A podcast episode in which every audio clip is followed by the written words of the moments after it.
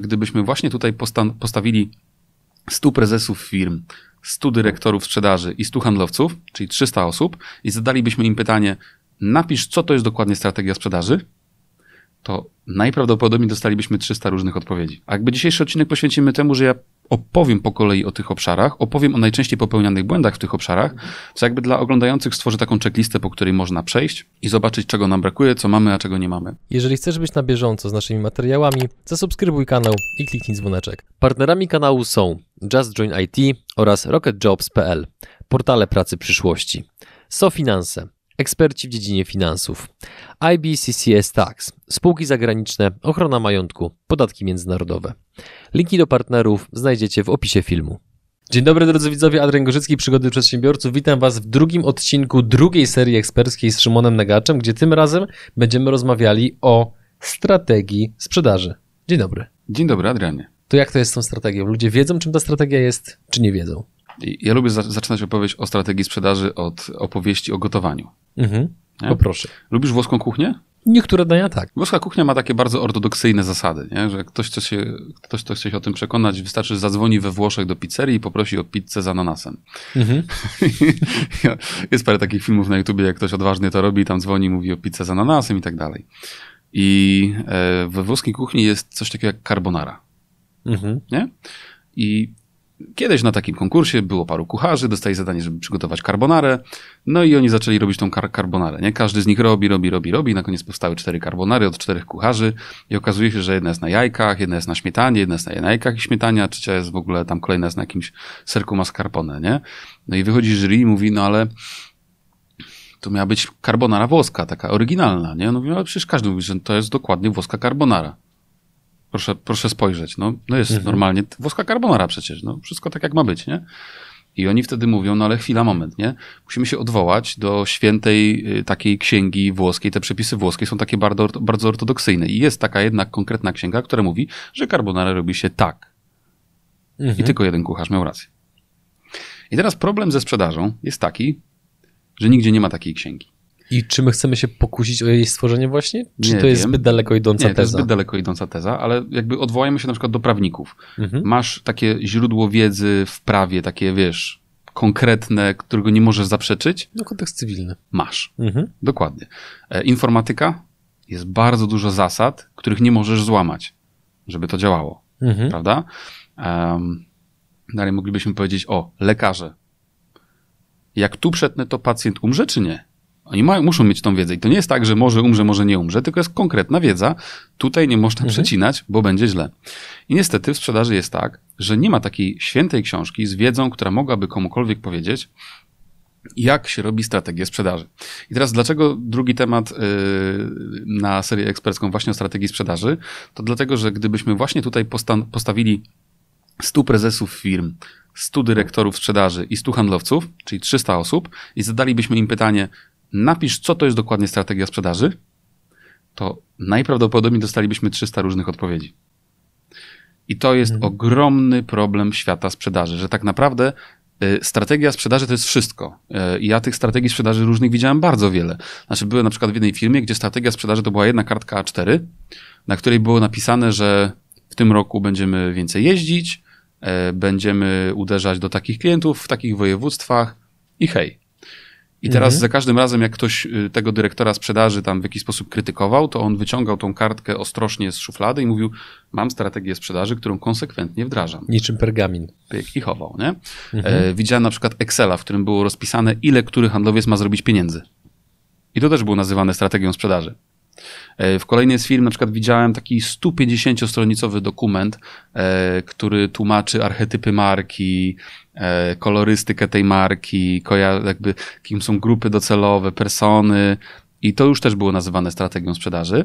Natomiast tutaj było najbardziej, najciekawsze było to, że oni mieli tą 150-stronicową strategię, ale jak zapytaliśmy zespołu, e, czy macie jakąś strategię sprzedaży, to oni powiedzieli, że nie mamy. Czy najbardziej zado- zadowolona była firma, która ten raport opracowała? Podejrzewam, że tak. A czy ze, ze strategiami sprzedaży, ja trochę będę wchodził w rolę adwokata diabła, czy z tym, że właśnie różne osoby różnie patrzą na strategię sprzedaży, nie jest trochę tak, że nie kwestionujemy tego tak długo, jak to działa? Tak, na pewno jest tak, że dopóki działa, to, to, to nikt tam do strategii sprzedaży nie zagląda, bo nie ma po co. Mhm. To jest też nawiązuje do poprzedniego odcinka, że jeżeli działamy na rynku, na którym jest hossa, e, na przykład w fotowoltaice, ci ludzie nie musieli robić follow-upów, bo i tak rosną, sprzedają bez tego. Mhm. Nie muszą mieć żadnej operacyjnej doskonałości, żeby coś tam rosnąć co roku, nie? I jeszcze, żeby nawet się cieszyć z tego wzrostu. Mhm.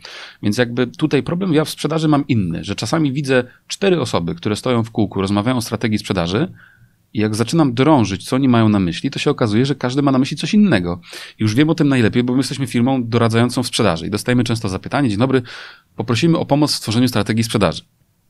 No i my pytamy, ok, czyli w czym konkretnie? No i oni nas mówią, no ale halo, jesteście firmą doradczą, powinniście wiedzieć. I tak, wiemy, ale bardzo często ludzie mają różne rzeczy na myśli pod pojęciem strategia sprzedaży i tam zawsze pada mhm. inna odpowiedź.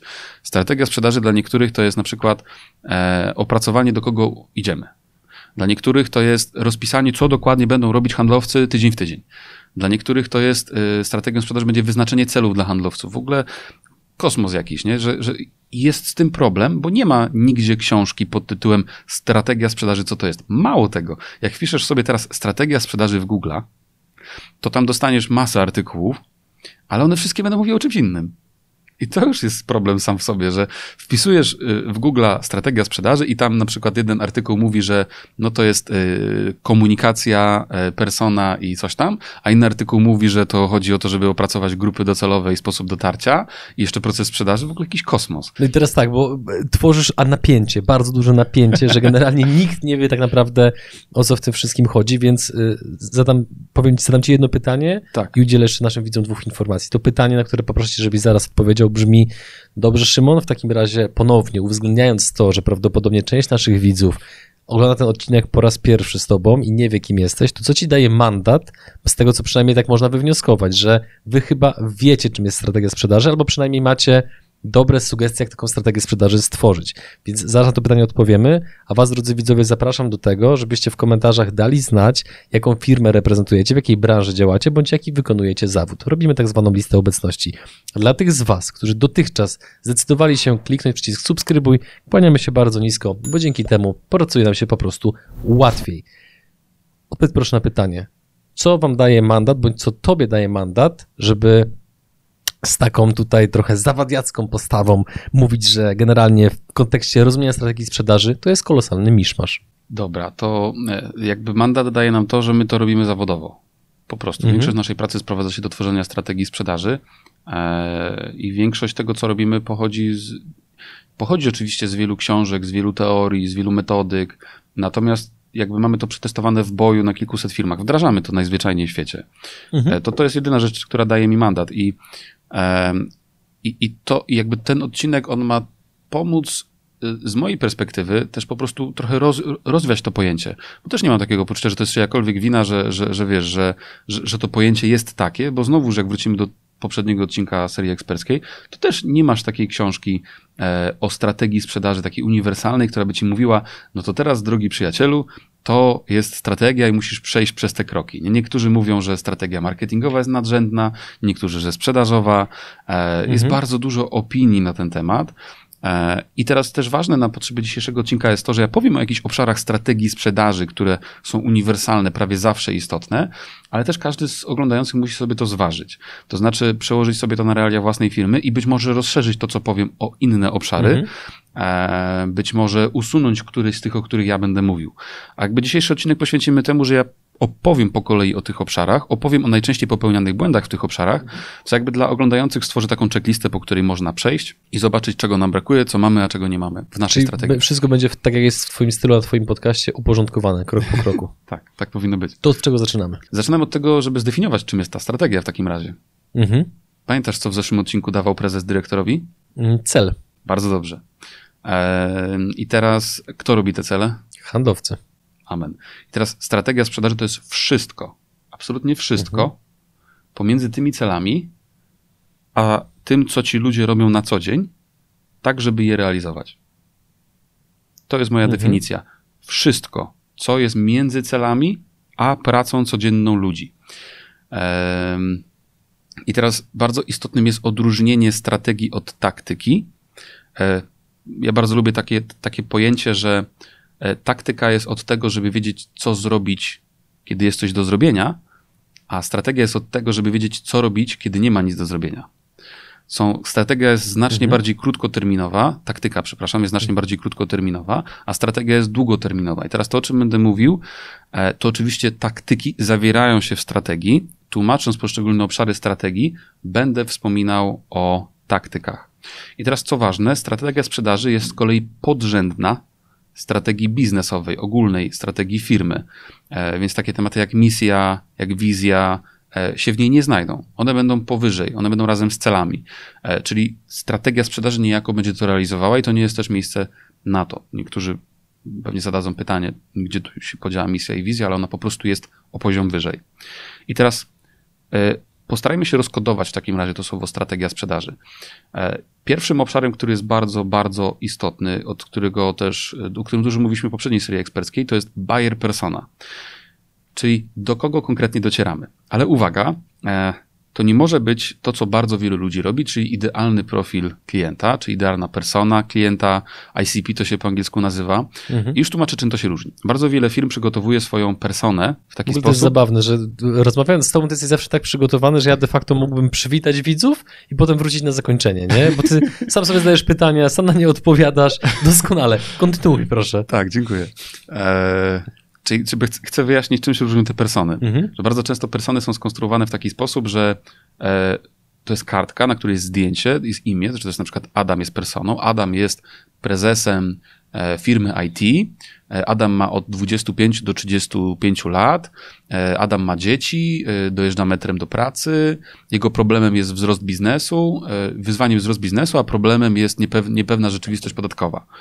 I to są często persony w strategii sprzedaży takiej B2B. I to jest dla mnie ogromny problem i ogromny błąd, bo to nie jest persona, z którą ja jestem w stanie cokolwiek zrobić. To jest persona, która pochodzi najczęściej z książek marketingowych, które najczęściej traktują o sprzedaży B2C, czyli na przykład sprzedaży strzelam kremu do twarzy. Że dla mnie ta wiedza o tym, że to jest Adam, on jest przedsiębiorcą, będzie ważna, dlatego że jeżeli jest przedsiębiorcą, to na przykład pewnie czyta Forbesa, więc może warto wykupić powierzchnię reklamową w Forbesie i mu pokazać tam ten krem. I bardzo często okazuje się, że persona jest błędnie stworzona pod taki prawdziwy biznes. I buyer persona nie jest tym profilem ze zdjęciem. Buyer persona jest zupełnie inaczej zbudowana. To jest odpowiedź na kilka pytań. Jakie jest przedsiębiorstwo, do którego docieramy? Przede wszystkim. Co to jest za firma? Czym ona się zajmuje? Jak bardzo jest duża? Z jakimi osobami w tej firmie chcemy rozmawiać? Kim są ci nasi rozmówcy w tej organizacji? Później, jakie problemy i wyzwania mają ci rozmówcy, jak oni kupują naszą usługę, jakie mają obiekcje, co innego rozważają. I teraz, nawet jakbyśmy na tym poprzestali, tam reszta jest trochę szersza, ale jakbyśmy poprzestali na tym, to to już jest dla mnie ogromna wiedza. Dlaczego?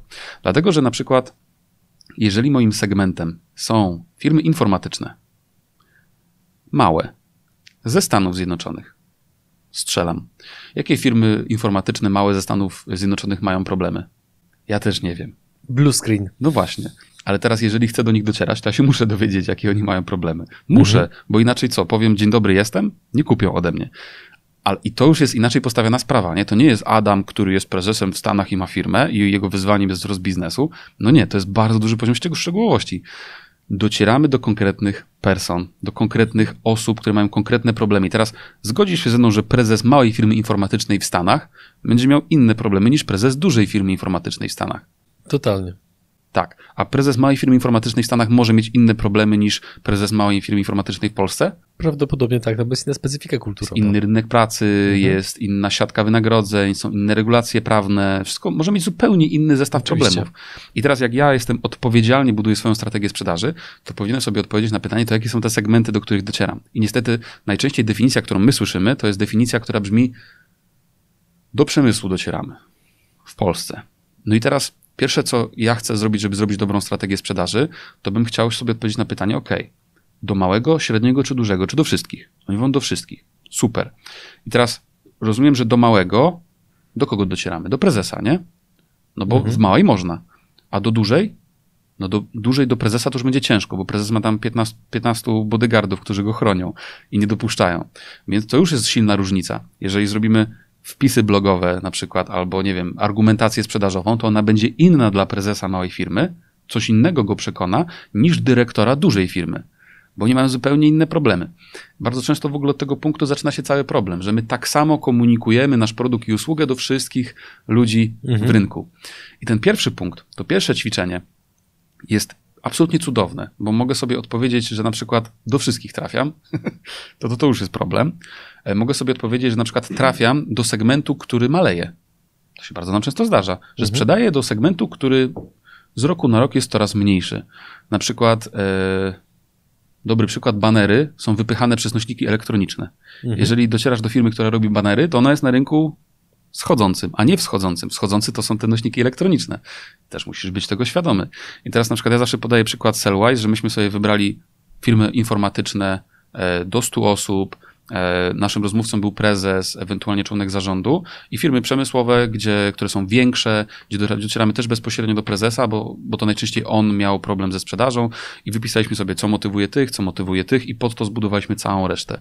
I bardzo często problem sprzedaży zaczyna się od tego, że albo ten segment docelowy jest przygotowany słabo, w sensie, że te problemy tam są opisane, że problemem prezesa jest malejąca sprzedaż. Pytanie tutaj od razu. Dlaczego wybraliście akurat takie dwa segmenty, a nie na przykład właścicieli e, prywatnych klinik medycznych? Wiesz co, dlatego, że e, oba segmenty mają bardzo dużo firm w Polsce. Jest mhm. bardzo dużo firm informatycznych, bardzo dużo firm produkcyjnych. Oba segmenty są rosnące. Czyli zarówno polskie firmy informatyczne, to głównie są software house'y w tym segmencie, bardzo szybko rosną, jak i firmy mhm. produkcyjne w Polsce też bardzo szybko rosną. Oba te segmenty mają niepoukładaną sprzedaż najczęściej, oba te segmenty mają budżet na to, żeby ją poukładać. Mhm. Prosta rzecz, ale ważna jednak mimo wszystko. Um, oba te segmenty też wiedzieliśmy, jak do nich docierać i ważniejsze, jeszcze ważniejsze od tego, ja doskonale znałem oba te segmenty. Czyli jak przyszło mi do odpowiedzi na pytanie, jakie problemy ma prezes produkcji i prezes software house'u, to ja znałem odpowiedź. Mhm. I ja dzięki temu mogłem zrobić całą resztę komunikacji w taki sposób, żeby oni chcieli ze mną rozmawiać i tutaj Więcej o tym jest w poprzedniej serii eksperckiej. Jest to dokładnie wyjaśnione, jak to zrobić, jak do tego podejść. I teraz pierwszy punkt strategii sprzedaży to jest właśnie buyer persona, która nie jest życzeniowa, która jest przemyślana, że wiemy, gdzie, gdzie, gdzie docieramy i co robimy. I teraz, jeżeli ktoś ma teraz takie poczucie, że kurczę, ale ja docieram praktycznie wszędzie, to też niech nie odwraca tego do góry nogami nagle, tylko niech na przykład z tego wszędzie wyznaczy sobie dwa segmenty, które najbardziej potrzebują jego produktu i usługi albo usługi. Czyli wąską grupę, wyznaczy sobie na przykład, dobra, jak docieram do wszystkich, to kto najczęściej ode mnie kupuje, z kim najłatwiej się rozmawia, kto najrzadziej negocjuje z nami cenę. I wyjdzie to z tej, z tej, z tej, z tej rozmowy, nie? że z tych wszystkich w sumie są takie dwa, trzy typy firm, na przykład średnia firma produkcyjna, która ma polski kapitał. Mhm. Super. Ktoś bardzo często i fajnie u nas kupuje, albo na przykład dwu, trzy, czteroosobowe małe firmy u nas kupują idealnie pięknie z tego wszyscy właśnie wyciągnęliśmy esencję, gdzie nasz produkt się sprzedaje, oni się cieszą, my się cieszymy, łatwo się rozmawia. Czemu tego nie określić strategii sprzedaży jako główny kierunek, do którego idziemy? No super będzie przecież, nie? Mhm. I, I, bardzo często to, to proste ćwiczenie, że na przykład mam e, pięciu, dziesięciu jeżdżących handlowców, oni są w stanie ileś tam najeździć. Więcej nie najeżdżą niż są w stanie. No to, to, co mogę zrobić, to wysłać ich po prostu w lepsze miejsca żeby to najeżdżenie miało po prostu większą konwersję, ale w sposób naturalny, nie? Że, bo na przykład moja usługa, e, nasza usługa pasuje do określonego typu firm, ale do określonego typu zupełnie nie. I czemu iść do wszystkich i czemu wszystkich próbować przekonać. To jest mhm. też takie przekonanie, które pokutuje, myślę, przez ostatnich lat naście, że dobry handlowiec sprzeda każdemu. E, Lud Eskimos, Eskimosowi to ja jakby ja w to nie wierzę. Ja Właśnie nie. i nawet po co ma próbować sprzedawać każdemu, skoro jest tyle firm na, na świecie, w, ogóle wszędzie, że no, kurczę. Podobnie jest z eksportem, bo bardzo dużo polskich firm, tych, którzy na, teraz nas oglądają, wychodzili za granicę i bardzo często ta granica jest, zagranica jest sformułowana tak, że wychodzimy na zachód. Okej, okay, to teraz zastanówmy się, w którym kraju na zachodzie idzie nam najlepiej, gdzie nas najbardziej chcą, gdzie jest najwyższa konwersja, gdzie mamy najwięcej klientów, mhm i spróbujmy sobie ich wyznaczyć jako segment i tam zintensyfikować nasze działania.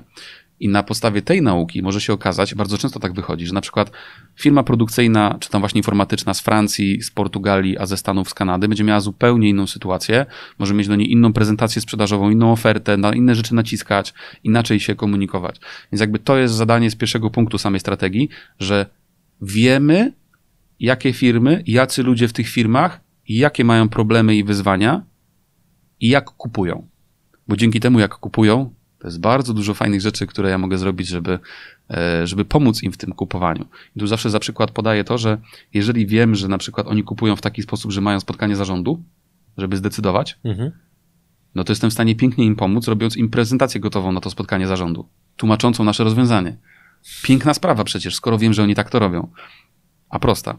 Więc pierwszy punkt, buyer persona. Mhm. Czy masz do tego jakieś pytania, żeby uszanować, wiesz, prowadzącego? Znaczy, wiesz, może nie pytanie, bardziej obserwację, że mhm. e, ile tych punktów łącznie masz? 10. Okej, okay, no to jeżeli pierwszy punkt jest tak rozbudowany, no to też to mi troszeczkę tłumaczy i wyjaśnia, dlaczego pojęcie strategii sprzedaży może być tak ciężko uchwytne tak. dla wielu osób, no bo składa się z tak dużej liczby po prostu elementów. Szczegół.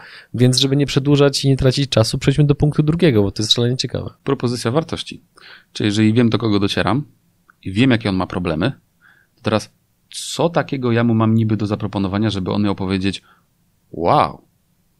Nie, bo jakby główny problem e, w sprzedaży nie wynika z tego, że mamy słabe procesy mhm. albo że mamy, nie wiem, mamy drogo. Najczęściej to wynika z tego, że docieramy z takim samym produktem co wszyscy, do tych samych ludzi co wszyscy, tylko trochę drożej. I się to jest najczęstszy problem. I się dziwimy, że nie kupują, nie? Czyli mhm. Propozycja wartości, to też jest dobrze wyjaśnione w poprzedniej serii eksperckiej na, na przykładach, ale podam teraz jeden taki drobny. Jeżeli wiem, że problemem mojego klienta, małego w Stanach, jest to, że on ma problem z pracownikami, strzelam, załóżmy, jest ich trudno zrekrutować, to pytanie, co ja jako polska firma mogę zrobić, żeby mu ten problem rozwiązać. Może mogę zrobić tak, że onboarding nowego pracownika outsourcowanego z naszej firmy jest bardzo szybki że to trwa na przykład 3 dni. Super propozycja wartości, na przykład. Albo mogę doprowadzić do tego, że bardzo szybko może zweryfikować, czy ci pracownicy do niego pasują. Mhm. Albo mogę zaproponować to, że oni pracują w tej samej strefie czasowej. Jest wiele takich propozycji wartości, które ja mogę zaproponować temu człowiekowi. I teraz najczęściej, bo to pytanie jest strasznie obnażające. Ja zadaję e, dyrektorom sprzedaży, handlowcom, e, nawet prezesom pytanie, ale co takiego ma wasza firma, e, że ludzie od was kupują? Ja bardzo mhm. lubię zadawać to pytanie na konferencjach, jak ktoś stoi przede mną. Nie mówi, a poda swojej firmie, nie? Ja zadaję to pytanie, co, co twoja firma takiego ma, że ludzie u ciebie kupują? I ci ludzie robią takie, o, jakie pytanie w ogóle. Adrian, co takiego jest w kanale Przygody Przedsiębiorców, że ludzie chcą tu przychodzić? Myślę, że to, że jest merytorycznie prowadzone i ma dość mocną widownię, która jest sprofilowana na to, że są to przedsiębiorcy po prostu. Ale jest więcej niż te wartości dwie? Jeszcze? Myślę, że znacznie więcej. Jest masa tego, nie? I teraz pytanie, co powiedzieć? Tak, no bo to jest takie pytanie, którego ja je chyba usłyszałem po raz pierwszy w życiu tak naprawdę, nie? I, i pomimo tego, że już się troszeczkę znamy, to nawet teraz, jak już to powiedziałeś, to ja tak sobie pomyślałem, o Boże, on naprawdę, na pewno za chwilę mnie o to zapyta, nie? Więc szybko już procesy myślowe gdzieś tam się uruchomiły i no. oczywiście, gdybym to pewnie wypisał na spokojnie, to mógłbym tą odpowiedź ułożyć w sposób dużo bardziej zgrabny. Dokładnie. Niemniej jest to ciekawe pytanie chyba, które będę zapożyczał i będę też zadawał je moim gościom, jeżeli pozwolisz. Zadawaj, bo to jest naprawdę fajne pytanie, w którym możesz się dowiedzieć, co takiego firma tego człowieka robi, że klienci do niego rzeczywiście przychodzą. I powiem ci, że najczęstsza odpowiedź, która pada, to jest takie, jest to zaskoczenie jest tak duże na to pytanie, że, że oni odpowiadają, wiesz co, no jakość, nie? Chyba nam ufają, że my to zrobimy, ale jakość to już nie jest propozycja wartości, nie? Jakość jest już wyświechtanym pojęciem. Mhm. Chyba, że bardzo dokładnie powiesz, w czym ta jakość się objawia. Więc jakby drugie pytanie, patrz, to jest jakby fundament w ogóle, nie? Do jakich segmentów docieramy, ale konkretnie i co takiego mamy do zaproponowania, że te segmenty powiedzą o wow. Mhm. Bo to najbardziej wpływa na skuteczność sprzedaży, nie? Że to jest nawet takie pojęcie jak oferta mafijna, że to jest ta, to rozwiązanie tego problemu jest tak dobre, że tam się nikt nie zastanawia, tylko mówi po prostu mhm. róbmy. I teraz jest oczywiście... Tu przerwę, przepraszam. Tak. Skąd mamy wiedzieć jako przedsiębiorca, ale inaczej, jeszcze spytam jeszcze inaczej. Czy zdarza ci się, że przedsiębiorca mówi de facto jak już tak, no, pozbiera się mentalnie po tym nokautującym pytaniu? No, no Szymon, ja w sumie nie wiem. Nie dla wszystkich jest nokautujący, to razu ci powiem. Jest część, która ma Oczywiście, to genialnie to, przemyślane. powiedziałem to pół żartem, pół serio, ale załóżmy, że przedsiębiorca dochodzi do wniosku i odkrywa się przed tobą i mówi, Szymon, ja w sumie nie wiem. I to jest pierwsze pytanie. Jeżeli tacy klienci są, to potem jak zachodzi proces, żeby faktycznie zidentyfikować te nasze, nazwijmy to, przewagi konkurencyjne, że warto właśnie je eksponować. Mhm. Czy to jest na zasadzie zgadywania intuicji, czy raczej pewnej kontaktu z klientem i po prostu zdobycia informacji de facto od niego? Dobra, to ten proces ma dwie części. Pierwsza część to jest wykopanie tego, co mamy w organizacji. Mhm. E, I teraz tak, jak ja ciebie zapytam, jakie ma przewagi przygody przedsiębiorców, mają przewagi, Mhm. to y, dostanę inne odpowiedzi niż jak odpowie twój operator, niż jak odpowie Bartek, niż jak odpowią, odpowiedzą wasi, wasi pracownicy. I na tym polega cała siła. Czyli najpierw warsztatowo trzeba wydusić ze wszystkich z firmy, co takiego my robimy, co może być wartościowe dla klienta. I teraz Okej. uwaga, czy wartościowym może być dla kogoś, że jesteś w Bydgoszczy? To jest dla niektórych tak. Dla ludzi z Bydgoszczy. Tak. Dla ludzi z okolic to jest wartość. Mhm. Prawda czy nieprawda? Tak, no gliwice nie są zbyt szczęśliwe z tego powodu. No nie są. Ale, ale wiesz o co chodzi, nie? To, Mhm. to, jest, to jest tak trywialna wartość, ale dla niektórych z okolicy to może być wartość, tak? Mhm. Czyli możesz sobie zrobić segment firmy z okolic Bydgoszczy Jak najbardziej. i możesz dać im wartość jestem z Bydgoszczy? Tak. Pyk. I wygrałeś właśnie ze wszystkimi, bo nikt takiej nie ma. Mhm. No prawda. Okej. Więc jakby szukamy wszystkich tego typu rzeczy. Prostych, trudnych. E, najczęściej zadaję takie pytania. Co takiego robicie, czego nikt inny nie robi? E, o co strasznie dbacie? Co jest dla was bardzo ważne? Na co zwracacie bardzo dużą uwagę? E, co robicie za darmo, a klient za to nie płaci? I, i jest dużo takich pomocniczych pytań. Mówią, o, mm, a, i wypisują. I na przykład robimy Wypisują zazwyczaj, jakbyś sam, jak sami wypisują, to wypisują 5, a jak wypisują w formie takiej burzy mózgów, to wypisują 40 albo 50 tych wartości. Mhm. I to jest dla mnie pierwszy, pierwszy materiał do eksperymentów. Mam segment, mam 50 wartości, wybierzmy z tych 54, które będą cenne dla mojej firmy ze Stanów i zacznijmy z nimi gadać. Czemu cztery, nie na przykład sześć albo dwa? Bo będzie chaos komunikacyjny, nie? Jakby nie, nie mogę się do ciebie odezwać, powiedzieć, cześć, jestem zbyt goszczy, mam fajne studio, dobrze się ubieram, e, lubię dobre samochody, nasz, nasz kanał ma dobrą oglądalność. Ale mi komplement powiedział, co Tomek? Kurde, wiesz co, zbytniesz mi to mi zapętlisz, dobra? Będę sobie dobranockę taką robił. Mam fajne studio, dobrze się ubieram, mam fajne studio, dobrze się ubieram, mam fajne studio, dobrze się ubieram, mam fajne studio, dobrze się ubieram. Okej, rozumiem. Czujesz, nie? Że Mhm. jakby nie możesz zasypać, y, bo, bo wyjdzie źle cały, cały ten komunikat, nie? Mhm. I robisz to na poziomie testów. Czasami może ci wyjść na przykład, i to też jest piękna rzecz, bo to ci powiem, najpierw zaczynasz od tego, co masz, ale może ci wyjść, że badasz sobie ten mały ze Stanów i wychodzi, że ty masz 40, ale on się niczym nie podjara z tego, co ty masz. I to jest dopiero moment na to, żeby tworzyć nowe Mhm. wartości. To znaczy, a co takiego możemy robić, czego nie robi nikt inny, żeby ten mały przedsiębiorca ze Stanów informatycznych się po prostu wybrał nas. Mhm. I to jest też piękny, piękny proces myślowy, bo możesz to odkrywać, zastanawiać się, to co takiego powinniśmy robić, żeby to było możliwe. No i teraz znowu, będę Tak. ci przerywał, bo to są ważne tematy. E, Zastanawiamy się we własnym sosie, analizując i gdybając, czy znowu w pewien sposób pytamy klienta, a jeżeli pytamy klienta, to idąc za słowami em, świętej pamięci Henry'ego Forda, zapytany o to, czy warto pytać klientów o zdanie, powiedział, że nie ma sensu. Jego zdaniem, ponieważ jak ich o to zapytasz, to powiedzą ci, że chcą szybszego konia. Więc jeżeli należy pytać klientów, to jak to robić, żeby nie powiedzieć, że chcą szybszego konia? Tak, to jest bardzo dobre pytanie. Teraz ja mam taką wielką wiarę w to, że oni świetnie potrafią nazwać swoje problemy i wyzwania. Mhm. Ci przedsiębiorcy. Tak? I teraz Ci połącz... potencjalni klienci, o nich mówisz, tak? Tak, tak, tak. Tak, tak. Oni to potrafią nazwać. No bo ty potrafisz nazwać, jakie masz problemy i wyzwania. Mhm. Jakbym cię podpytał, to byśmy wypisali z 50. Każdy przedsiębiorca ma masę problemów i wyzwań z różnej kategorii. Więc problemy i wyzwania będziemy mieli. Mhm. I teraz bierzemy sobie taki jeden problem, na przykład trudność w zatrudnianiu ludzi. Dołączamy do niego wartość i to jest materiał dopiero dla mnie do eksperymentów, nie? Że jak ja przychodzę do ciebie i mówię, ty, ale bo ty mówiłeś, że masz problem tam, jakbyśmy tak robili, to czy to byłoby dla ciebie wartościowe? I ty mówisz, o, tak, albo mówisz, nie, wszyscy to robią. I to, Mhm. to dopiero testujemy. Ja bardzo w to wierzę, że jak pytam ludzi, a co byście potrzebowali, to oni mówią, że niższej ceny. Naprawdę. Mhm. Więc jakby i, i, i ja lubię, żeby ten proces zachodził tak, że dowiaduję się dokładnie, co jest i jak inżynier dopasowuje do tego wartości. To co my jako firma możemy zrobić, żeby ten problem temu klientowi rozwiązać, nie? I teraz na przykład wielu ludzi teraz nas słucha i mówi, Boże święty, o czym ten chłop gada, bo przecież dostarczamy paletę cegieł do klientów i, i w koniec filozofii, tam nie ma żadnych wartości. No i teraz tak, i od razu bym za- zadał pytanie, ok, ale w jakim czasie te palety cegieł dostarcza konkurencja? E, jak wygląda gwarancja na te cegły? W jakim czasie można je zwrócić? Jakie oni mają problemy, jak już kupią te cegły? Czy w ogóle jakieś mają? Gdzie oni to przechowują? Może jestem w stanie im gdzieś to przechować? Wiesz, i od razu bym zaczął cały proces myślowy i prawie zawsze odnajdujemy obszar do wytworzenia wartości. Albo nawet jak długo konkurencja rozpatruje reklamacje na te cegły, jak coś jest nie tak. Jak trzy miesiące, albo dwa tygodnie, Mhm. albo coś, pyk, robimy proces na to, że my to robimy w jeden dzień. Konkretna propozycja wartości, zwróć uwagę, nie? Czyli uważam, nawet jak sprzedać palety cegieł, to jesteś w stanie sobie ustalić, że cztery segmenty potrzebują tego najbardziej segment wykonawcy najbardziej denerwuje to, że on tego nie może zwrócić i jest, jest długa reklamacja, to ja na to zaprojektuję Mhm. wartość. I teraz zwróć uwagę, że mam pierwsze dwa punkty strategii sprzedaży i one naprawdę są Z jak... 10. Tak, i one naprawdę są jak fundament. W sensie, jak Mhm. to źle zrobisz, Tak. to cała reszta nie będzie działać albo będzie działała tak sobie. I teraz w ogóle problem w sprzedaży jest taki też, że jest mało takich sytuacji jak u lekarza, że jak on tu przetnie, to pacjent umrze. Mhm. To nie jest tak, że jak ktoś źle zrobi segmentację i wartości, to firma umrze.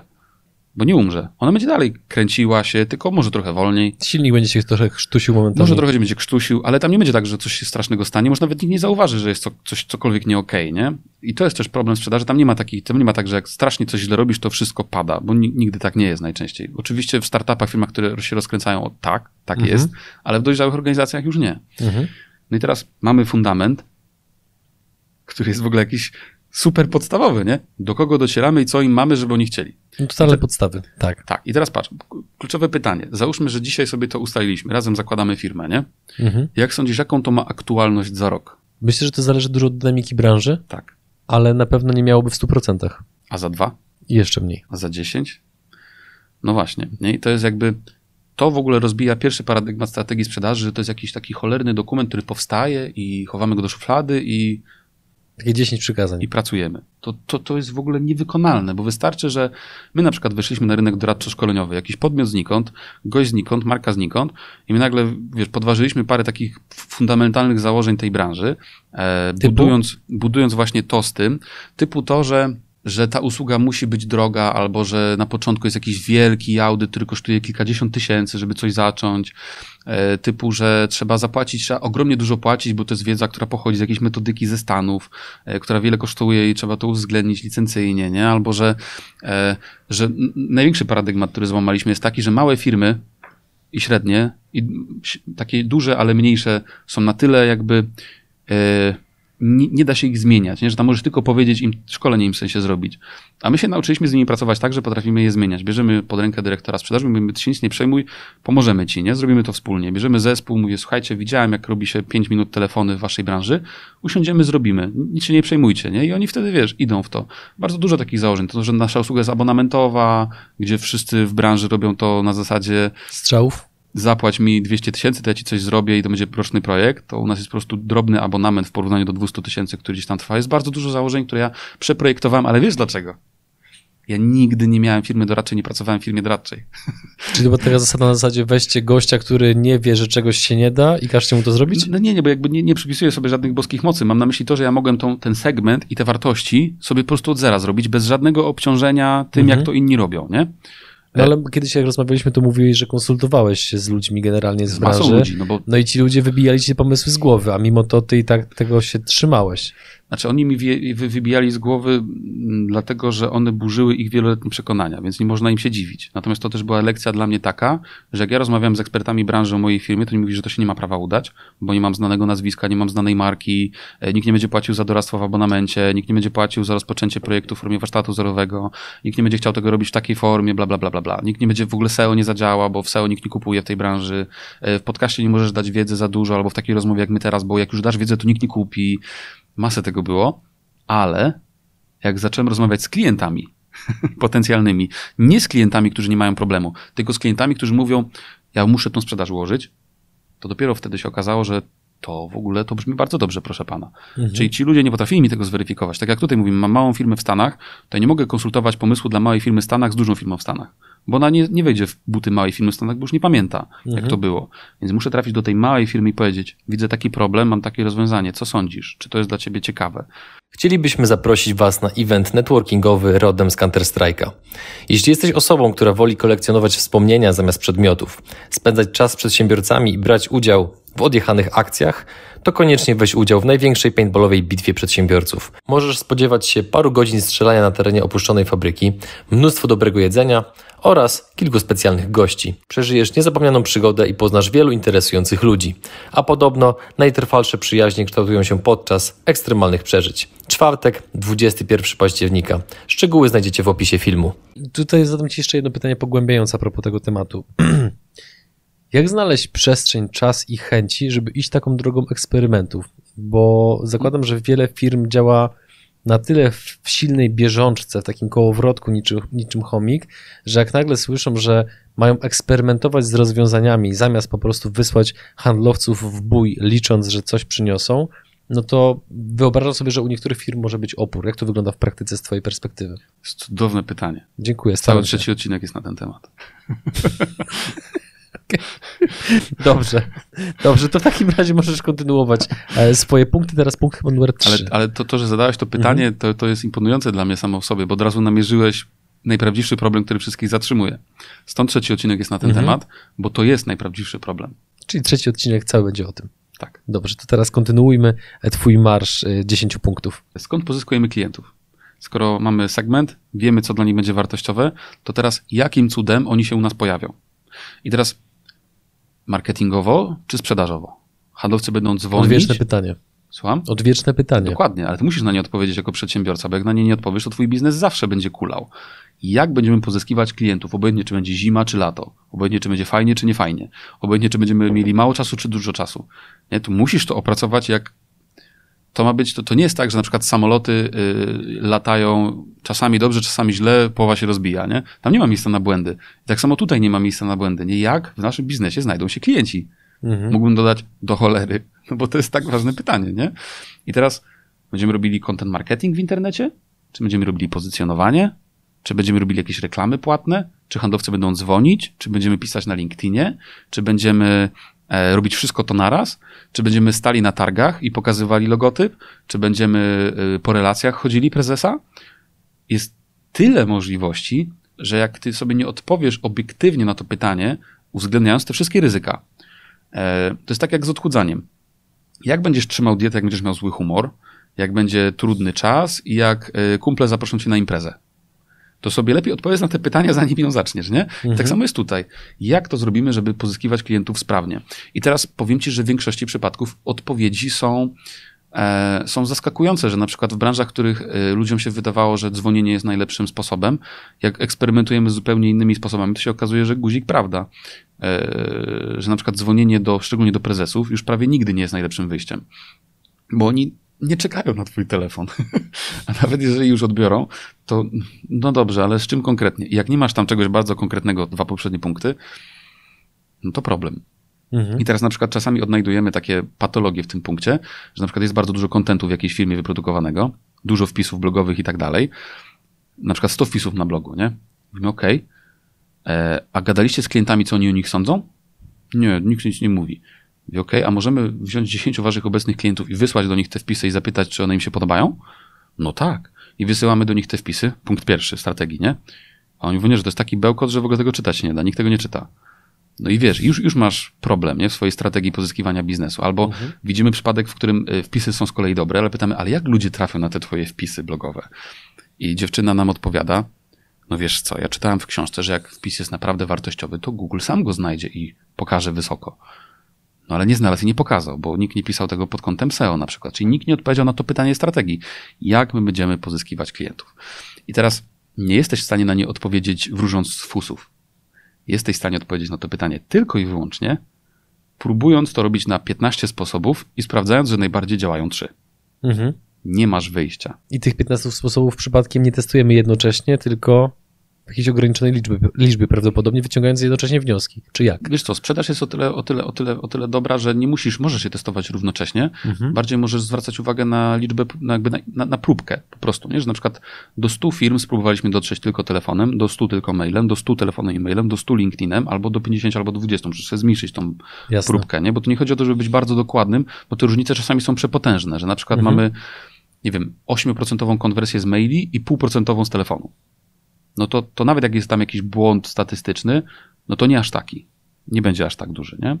Więc trzecie pytanie strategii. Skoro wiemy do kogo, wiemy jaka wartość, no to jak ich pozyskasz w tej twojej firmie konkretnie? Konkretnie, co zrobisz? Będziesz dzwonił, jeździł, mhm. pisał, krzyczał na drodze? Nie wiem. A im, im, im głupszy ten pomysł, im dziwniejszy, tym lepiej, bo tym trudniej konkurencji będzie to podpatrzeć. Ja podawałem tobie w poprzedniej serii eksperckiej przykład tego, że my pozyskujemy klientów na Spotify'u na przykład, mhm. co jest Nikt tego nie robi w naszej branży, wpisujesz sprzedaż, pokazujemy się my. E, znaczy mhm. już teraz parę firm robi, no bo No, to jest No. naturalne. Tak. No ale my byliśmy pierwsi, nie? Nikt tego nie robił, jak myśmy to zaczęli robić. I to nam dało przewagę tam, wiesz, roku, półtora, nie? Mhm. Więc tutaj czasami, wiesz, warto się naprawdę bardzo głęboko zastanowić i też łatwo obliczyć koszty tych metod, nie? Że czasami się okazuje, że stworzenie kontentu, bloga i tego, i tego, i siamtego to kosztuje tyle, a wysłanie dwuosobowego działu dzwoniąc kosztuje tyle. Mhm. I pytanie, co kosztuje mniej, które lidy są lepsze. Mhm. Więc trzeci punkt strategii sprzedaży. Skąd weźmiesz potencjalnych klientów? Numer cztery poprosimy. Ja napisałem sobie czwórkę jako strategia marketingowa, dlatego że Czyli strategia w strategii? tak, no Mhm. celowo. Dlatego, że dla niektórych e, strategia marketingowa jest nadrzędna, dla niektórych podrzędna. Dla mnie to nie ma znaczenia, bo to jest dalej opiera się na tych samych podstawach. Wiem do kogo docieram, wiem z czym. E, I tutaj w tym momencie powinna się pojawić strategia, to jak marketingowo my dotrzemy do tych ludzi.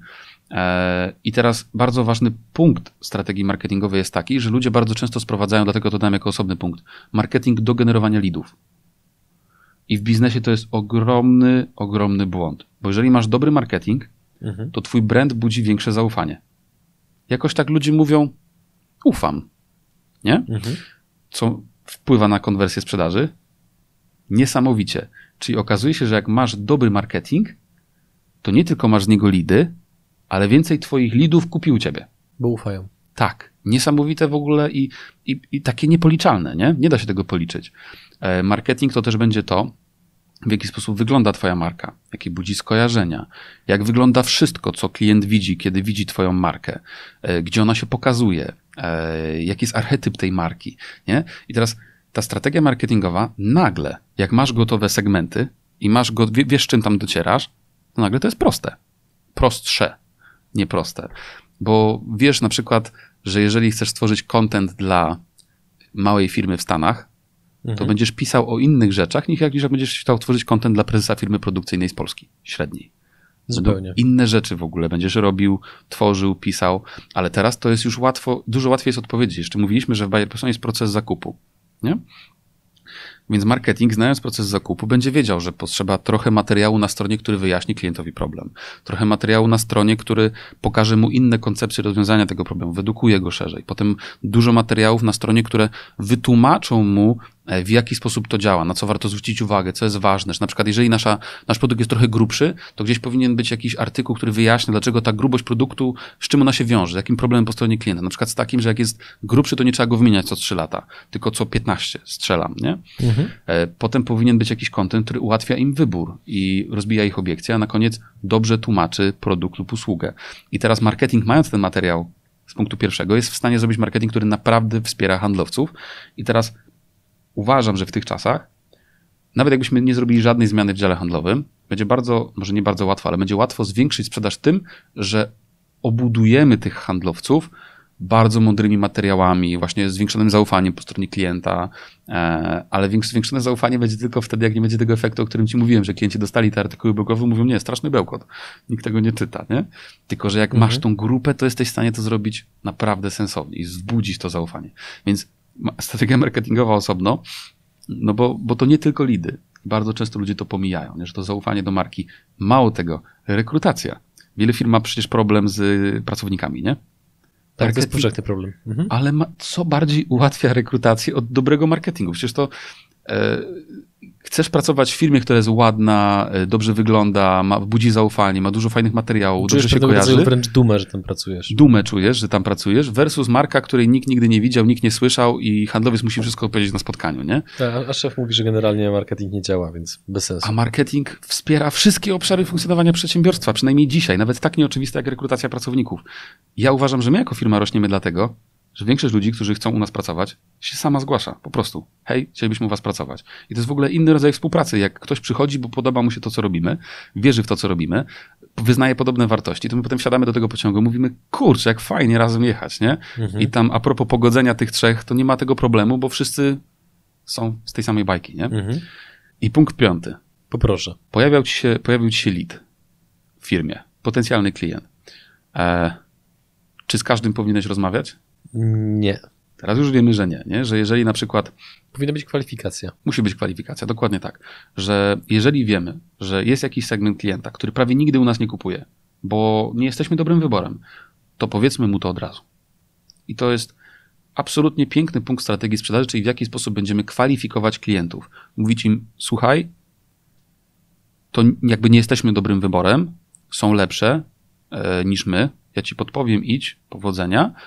I, i, I taka decyzja, tak, to jest klient, na którego my chcemy poświęcić czas. Dlaczego to jest ważne w strategii? Bo żaden handlowiec tego sam nie zrobi.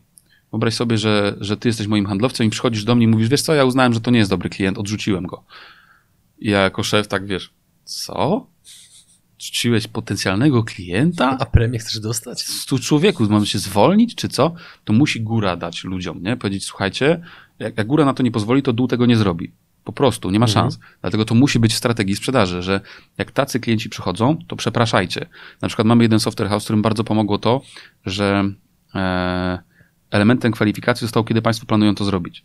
Bo myśmy odkryli, że jak oni mówią, że w najbliższym miesiącu, dwóch chcemy zacząć, to to jest naprawdę prawdziwa potrzeba. A jak oni mówią, że no rozważamy to na najbliższe lata, Nigdy do, tego, nigdy do tego rozważenia nie doszło, bardzo dużo pracy było włożone, a nie było nawet osób, mhm. które byłyby w stanie przygotować oferty. A oni nie robili do ofert dla tych potrzebujących teraz, bo się zajmowali tymi potrzebujących, potrzebującymi kiedyś. Nie? I tutaj pytanie kolejne właśnie. Jak pokonać w sobie taką być może obawę, bądź nadzieję, zależy jak patrzeć, że czy na pewno chcemy temu klientowi, który mówi, że w najbliższych miesiącach bądź latach będzie się tym zastanawiał, że jemu podziękujemy, a akurat to będzie kontrakt za 100, 500 albo milion złotych.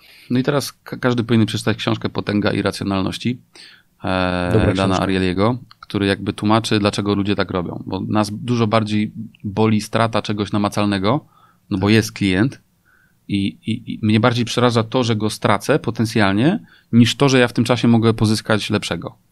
Nie? I, I, trzeba sobie zdać tego sprawę, że to jest trudne, i właśnie dlatego, jak tego nie opiszemy w strategii i nie powiemy, mhm. że tak robimy, to ludzie będą wpadać w tą mentalną pułapkę. Tak. Mhm. Najzwyczajniej w świecie. I, I, dlatego trzeba to po prostu zrobić. I, I to jest bardzo łatwy znowuż sposób zwiększenia sprzedaży. Że jeżeli handlowiec ma 8 godzin i dziennie jest w stanie obsłużyć 8 klientów, strzelam, z czego E, w miejsce czterech jesteśmy w, sta w stanie wsadzić albo czterech bardziej sensownych, albo bardziej skupić się na tych czterech, to nam najczęściej mhm. się okazuje, że na przykład, nie wiem, połowa czasu handlowca idzie na tematy, które i tak nigdy nie zostaną wygrane. Czy jakich klientów odrzuca Sellwise?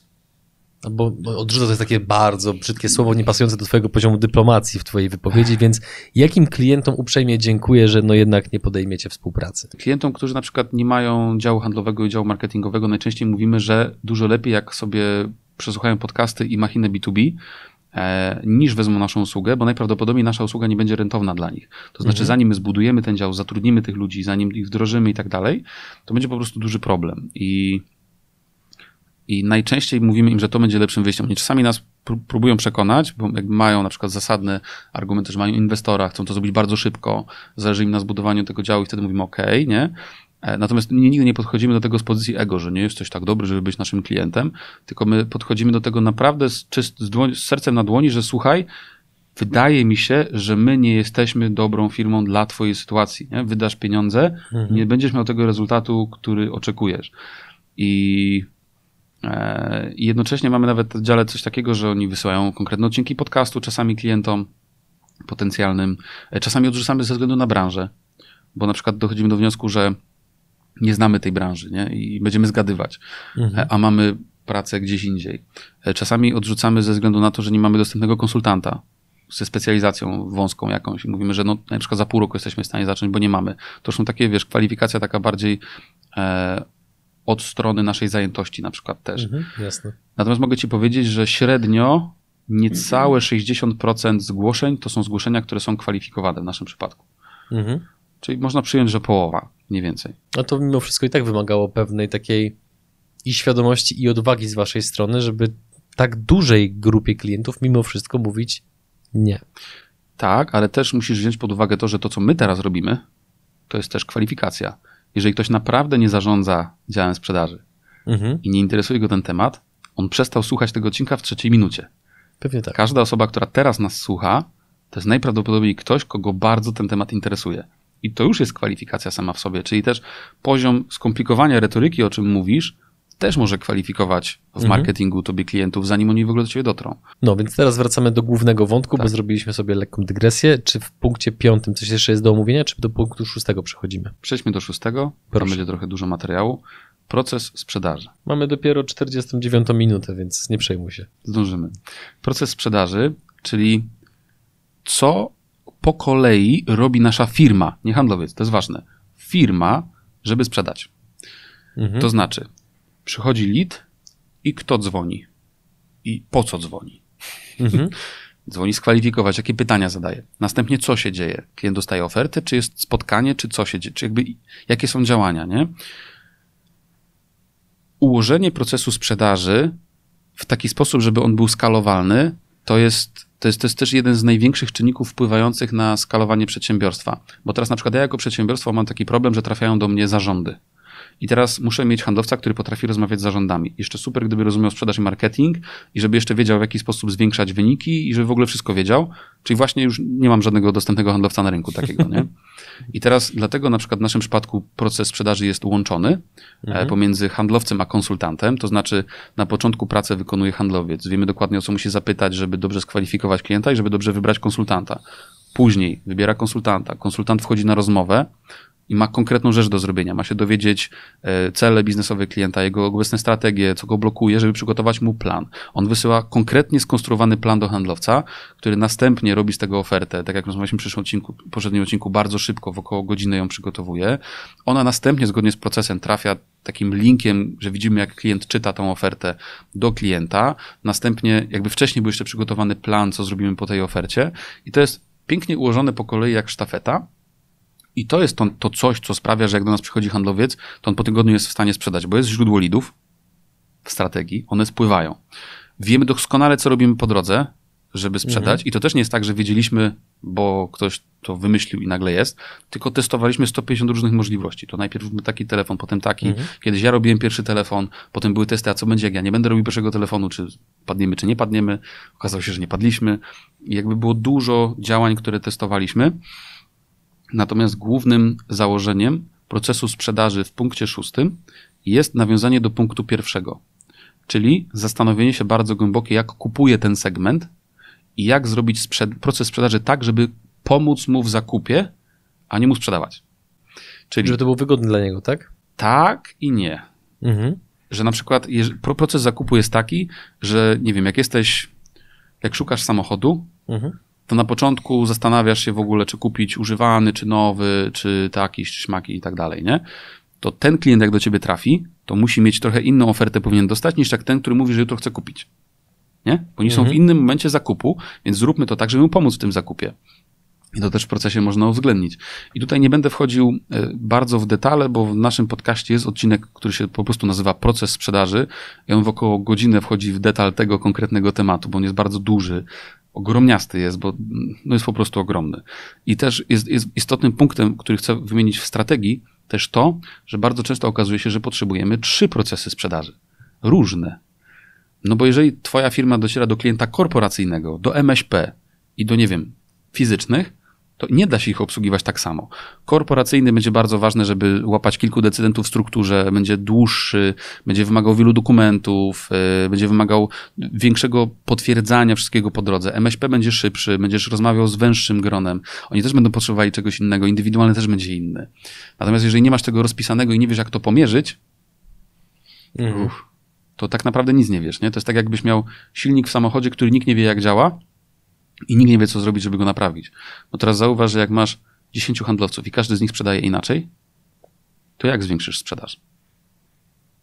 10 z kolei złapiesz i ich 10 z kolei będziesz naprawiał. jest potem... to karkołomne zadanie. A jeżeli oni w 10 dogadali się, że coś jest najlepszym wyjściem i robią to wspólnie, to mhm. nagle zwiększanie sprzedaży się staje prostsze, bo mówimy na przykład drodzy żołnierze, nie żołnierze, ale no nie. spróbujmy w tym tygodniu robić tak. Mhm. I zobaczmy, czy to sprawia, że oni chętnie będą rozmawiać. No ta aktualizacja tych, tych, tych taktyk postępowania. Trzeci odcinek. Tak, no jest dużo efektywniejsza, po prostu jest bardziej sprawna. Patrz, schodzimy z góry, mamy segment, wiemy, co dla niego jest wartościowe, e, wiemy, w jaki sposób e, będziemy pozyskiwali klientów, wiemy, jak do tego wszystkiego ma się marketing, wiemy, jak kwalifikujemy, wiemy, jak sprzedajemy. Mhm. To jest wszystko ustalone. I teraz przychodzi moment, kiedy masz klienta. Czyli punkt siódmy siódmy. Jest klient w firmie. I teraz jest kolejny proces, który jest kosmiczny. On jest prawie zawsze zaniedbany, dlatego że większość strategii sprzedażowych brzmi tak. potrzebujemy więcej lidów. Kropka. Jutro. Nie? Mhm. Podczas gdy się okazuje, że mamy na przykład około 120 klientów, z którymi nikt nie pracuje na co dzień, bo przecież skupiamy się na nowych klientach. Więc kolejny punkt strategii to jest, jak już klient zostanie naszym klientem, to co robimy, żeby nim był na długo?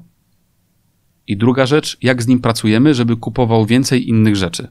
Patrz, to jest też bardzo konkretny punkt. Czy to robi ten sam handlowiec co wcześniej, mhm. czy już inny? Czy on, e, czy docieramy do nich marketingiem, wysyłamy im cały czas nowości, czy handlowiec się z nimi spotyka raz na kwartał? E, mamy taki jeden piękny, piękną historię, mamy takiego, takiego klienta, który ma prawie tysiąc osób. E, firma informatyczna, ogromny podmiot, i tam jest strumień nowych klientów i obecnych. Nie? I oni potrzebowali zwiększyć w zeszłym roku sprzedaż o 10 milionów. I nam najłatwiej było zrobić te 10 milionów właśnie na grupie obecnych klientów. To tutaj było mhm. najprościej. To jest bardzo często pomijany aspekt całej strategii. No, czyli siódmy jest omówiony już, czy coś jeszcze? Też jest na to odcinek u nas w podcaście, też się nazywa Account Management. To potem musimy to wszystko podlinkować ładnie. I on też mocno rozszerza ten temat. Mhm. Ale teraz patrz, co się wydarzyło. E, my de facto mamy teraz od góry schodzimy do pozyskiwania, do marketingu, do kwalifikacji, do procesu sprzedaży i do procesu account, accountingu, nie? Mhm. Teraz kolejny punkt strategii sprzedaży to jest jak ty to wszystko chłopie pomierzysz. Osiem. To jest ósmy punkt. Czyli musisz opracować, w jaki sposób będziesz to mierzył, bo jak nie będziesz tego mierzył, to wszystko, co będziesz mówił, to będą opinie, a nie fakty.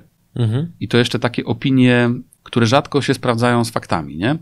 E, powinieneś wiedzieć, do wszystkich tych procesów powinieneś mierzyć też w trzecim odcinku powiemy dokładnie, jak to zrobić, ale musisz opracować, w jaki sposób je pomierzysz. Skąd weźmiesz te dane, skąd będziesz wiedział, ile jest lidów, skąd będziesz wiedział, ile jest kwalifikowanych, bo pewnie jakiś cerem się do tego przyda.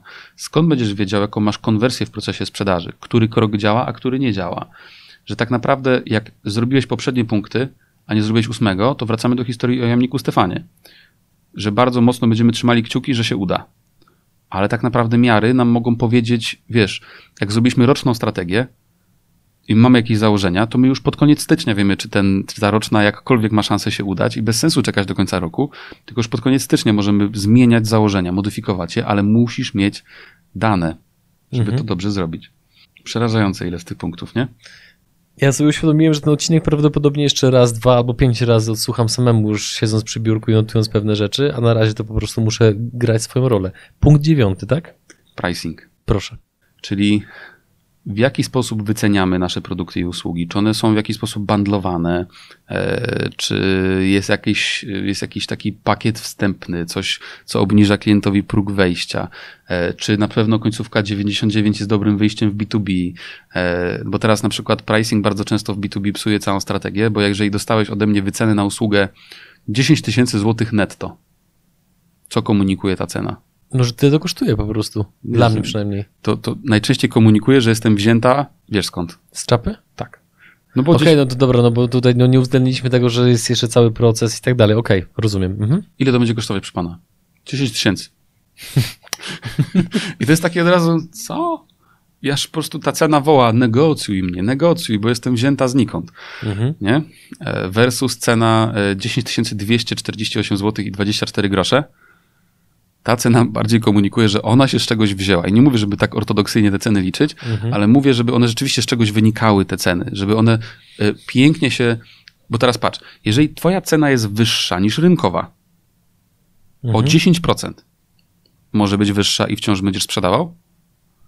Może być. Jeżeli punkt drugi, masz propozycję wartości, mhm. która jest więcej warta niż te 10% ceny.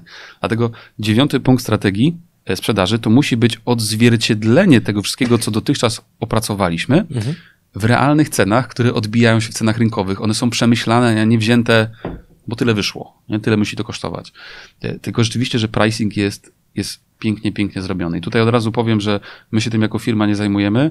E, zajmujemy się w sposób taki bardzo podstawowy, najczęściej w firmach usługowych. Do tego są specjalne firmy, które normalnie przychodzą, projektują pricing E, tak żeby on był rzeczywiście zasadny. Ale to jest niesamowicie ważny punkt strategii sprzedaży, no bo co najbardziej elektryzuje wszystkich kupujących? Cena. Cena. Po prostu. I teraz, jeżeli ona jest wyższa, ale ty masz wyjaśnienie, czemu jest wyższa, teoretycznie na tym etapie strategii już nie mamy. No to cudownie. Ale mhm. jeżeli ona jest wyższa, a klient pyta, ale dlaczego? A ty mu mówisz, no bo jesteśmy przedsiębiorstwem o ugruntowanej pozycji, no to on tak, wiesz, murzy oczy i mówi, no ale co z tego? No będzie miał pan większe prawdopodobieństwo, wszystko będzie ok. No nieprawda, bo jak trafię do małej firmy, to tam mam właściciela, na, na, mam jego komórę na telefonie, w każdej chwili mogę do niego zadzwonić, to tam jestem bezpieczniejszy. Każdy będzie inaczej na to Mhm. patrzył, nie? Więc jakby dziewiąty punkt to pricing. A to jest w ogóle ciekawe, co powiedziałeś o pricingu, że są firmy, które zajmują się tylko i wyłącznie tym, no bo To jest ogromne zagadnienie. mogłoby się wydawać, że ustalenie ceny to jest rzecz na tyle, nazwijmy to w domenie samego właściciela, Mhm. że no, no okej, no tyle kosztuje, to tyle kosztuje, właściciel tyle wskazał, a ty mówisz, że są firmy, które zajmują się tylko i wyłącznie tym zagadnieniem. Tak. Ile kosztuje usługa takiej firmy, żeby takie coś zamówić? Znacznie więcej niż nasza. Prawda? Tak, no bo to są duże projekty, nie? Bo Mhm. e, one nie mają sensu w niektórych przedsiębiorstwach. W niektórych przedsiębiorstwach możemy to po prostu zrobić z palca, dzwoniąc po rynku, szukając tej, tej wiedzy, ale jakby mój apel brzmi, niech te ceny z czegoś wynikają, po prostu. E, I tu niekoniecznie, jakby nie wiem, czy firma, jeżeli to jest duże zagadnienie, na przykład jeżeli wprowadzasz produkt do sieci, który stoi gdzieś na półkach, no to tam ten pricing jest bardzo ważny, nie? Że na przykład jak, jak sprzedajesz elektronikę, jak sprzedajesz radio w Euro RTV AGD, to jak ono kosztuje więcej niż 300 zł, to jakoś dramatycznie spada jego sprzedaż. To, jest na przykład wiedza, którą ty musisz mieć, jeżeli wprowadzasz radio na jakąkolwiek półkę, nie? Mhm. I musisz ją kupić w jakimś raporcie, gdzieś się tego dowiedzieć, nie? To nie są takie rzeczy wzięte znikąd. Ale na przykład nasz pricing sellwise'owy został odbity w dwóch rzeczach. Został odbity w tym, mówiłem ci o rekrutacji konsultantów, nie został odbity w tym, ile kosztują eksperci rzeczywiście, ale został też odbity w tym, ile przedsiębiorstwa mogą za to zapłacić, żeby to wciąż było rentowne i żeby jakby ta decyzja była po prostu łatwiejsza. Mhm. No. Czyli punkt 10. No i to jest punkt, który brzmi proces zarządzania zespołem sprzedaży i marketingu ewentualnie, jeżeli jest. Czyli teraz jak się z nimi spotykamy, jak wyznaczamy im cele, jak ich motywujemy do tego, żeby te cele robili, w jaki sposób weryfikujemy to w trakcie miesiąca, jak, jak jest stworzony cały ten system zarządzania. E, No i to jest, no, to właśnie będzie trzeci odcinek, to jest to pytanie, które ty zadałeś e, w tym odcinku. E, No i to jest punkt dziesiąty, czy jak zarządzać zespołem, ale tak, żeby to zarządzanie rzeczywiście działało, bo faktem jest, że jeżeli zatrudniamy paru, parę osób i tam nie ma kogoś, kto to ich, kto ich organizuje na bieżąco wokół czegoś konkretnego, nawet zwróć uwagę, że ta strategia wyszła nam teraz, nie? że propozycja, że praca nad tą strategią się nie kończy, to jest pierwsza rzecz. Ile twoim zdaniem trwa stworzenie takiej strategii? Obstawiałbym, że kilka tygodni. Ja mam biznes trzeci rok, dalej nie skończyłem. Okej. To jest Ale, tak, to, ale to wynika z tego, że nie skończyłeś, bo ona ewoluuje de facto non-stop i wy jesteście z tym pogodzeni w firmie, że to Nie, te, nie, nie ma linii mety, to jest, to jest tak duży temat, nie? no, ale mimo to firma funkcjonuje. Oczywiście, że funkcjonuje, nie? No bo e, duża liczba lidów wybacza błędy. nie? Więc mamy, mamy bardzo dużo lidów i na przykład proces account managementu w naszym przypadku jest ciągle niezrobiony, ale to wynika z tego, że jak sądzisz, ile czasu trwa na przykład wyeksperymentowanie segmentów, samych segmentów, do których docierasz? Sposób pozyskiwania to są klientów. tygodnie, jak nie miesiące. Tygodnie, tygodnie albo miesiące, nie? I to, I to w ogóle dla mnie, jak ktoś mi mówi, poproszę strategię sprzedaży, dostajemy takie zapytania przetargowe czasami z, z różnych spółek, no jak przetargowe, no to one są w większości Skarbu Państwa. Natomiast dostajemy takie zapytania, że chcemy przygotować strategię, e, strategia sprzedaży ma mieć co najmniej 10 stron i coś tam, coś tam, nie? No i na kiedy damy radę? I, i my wiesz, i mówimy, ale, ale, ale, ale jak? To jest bezwartościowe to, co przygotujemy w obliczu tego, co sobie omówiliśmy, nie? Mhm. I, I to jest mindset, nie? że tak naprawdę praca dyrektora sprzedaży to jest praca nad wszystkim, co dzisiaj wymieniliśmy. To jest jego prawdziwe zadanie. I tak naprawdę oprócz tych 10 punktów dojdzie jeszcze kilka związanych ze specyfiką poszczególnych firm. Czyli na przykład jak sprzedajemy rzeczy, które realnie jest w stanie podać linia produkcyjna na przykład. Nie? Każdy musi tutaj sobie dopisać parę swoich własnych indywidualnych punktów. I my też je mamy dotyczące obciążenia konsultantów, tego jak ich dobierać do poszczególnych branż, tego w jaki sposób świadczyć usługę. Nie? Wiesz, to jest naprawdę przeogromne zadanie. Dlatego mi zależało bardzo na tym odcinku, żeby trochę odczarować to pojęcie strategii sprzedaży, bo niektórzy uważają, że strategia sprzedaży to są te pierwsze dwa punkty, że wiemy do kogo i wiemy z czym. Jedziemy. Niektórzy mówią, że strategia to jest tylko to pozyskiwanie lidów, to jest strategia. Niektórzy mówią, że proces sprzedaży i pozyskiwanie to jest strategia, e, a już na pewno nikt nie mówi, że strategią sprzedaży jest zarządzanie działem sprzedaży, e, że elementem strategii jest zarządzanie działem sprzedaży, ale to jest kluczowe, bo bez, bez dobrego zarządzania dział sprzedaży przestaje być na tyle efektywny, na ile zakłada nasza strategia. Nie? Mhm. Więc jakby kosmicznie duży temat i wymagający cierpliwości nie? i tego, żeby z szacunkiem do tego podejść. I z mojej perspektywy obecnie na rynku wygrywają te firmy, które to ćwiczenie zrobiły bardzo, bardzo dokładnie, powoli, zwracając uwagę na detale. Nie śpiesząc się. Już taka, wiesz, wolna amerykanka, że chodzisz po rynku i krzyczysz, że masz, Mhm. i jesteś dobrą firmą, dużą znaną, e, coraz rzadziej działa. To nie mówię, że nie działa, ale coraz rzadziej działa. Zamykając klamrą naszą rozmowę w tym odcinku, powiedz naszym widzom, jak się mogą z Tobą skontaktować. Tak, w poprzednim odcinku powiedziałeś, że nowych klientów przyjmujecie teraz może nie mniej chętnie, albo macie mniej możliwości przyjęcia nowych klientów, ale za to bardzo poszukujecie konsultantów. Tak. E, wszystko jest na sellwise.pl, a dla klientów jest bezpłatna konsultacja, dla potencjalnych konsultantów jest zakładka praca, e, gdzie widać wszystkie nasze bieżące ogłoszenia, więc Stawiamy, stawiamy kropkę. Drodzy widzowie, dziękujemy Wam za udział w drugim odcinku. Zachęcamy Was do obejrzenia pozostałych odcinków z Szymonem oraz oczywiście do wysłuchania odcinka numer 3, o- do, do którego odwołania słyszeliście pewnie z jakieś 7-8 razy w tym odcinku. Cześć. Cześć, do zobaczenia.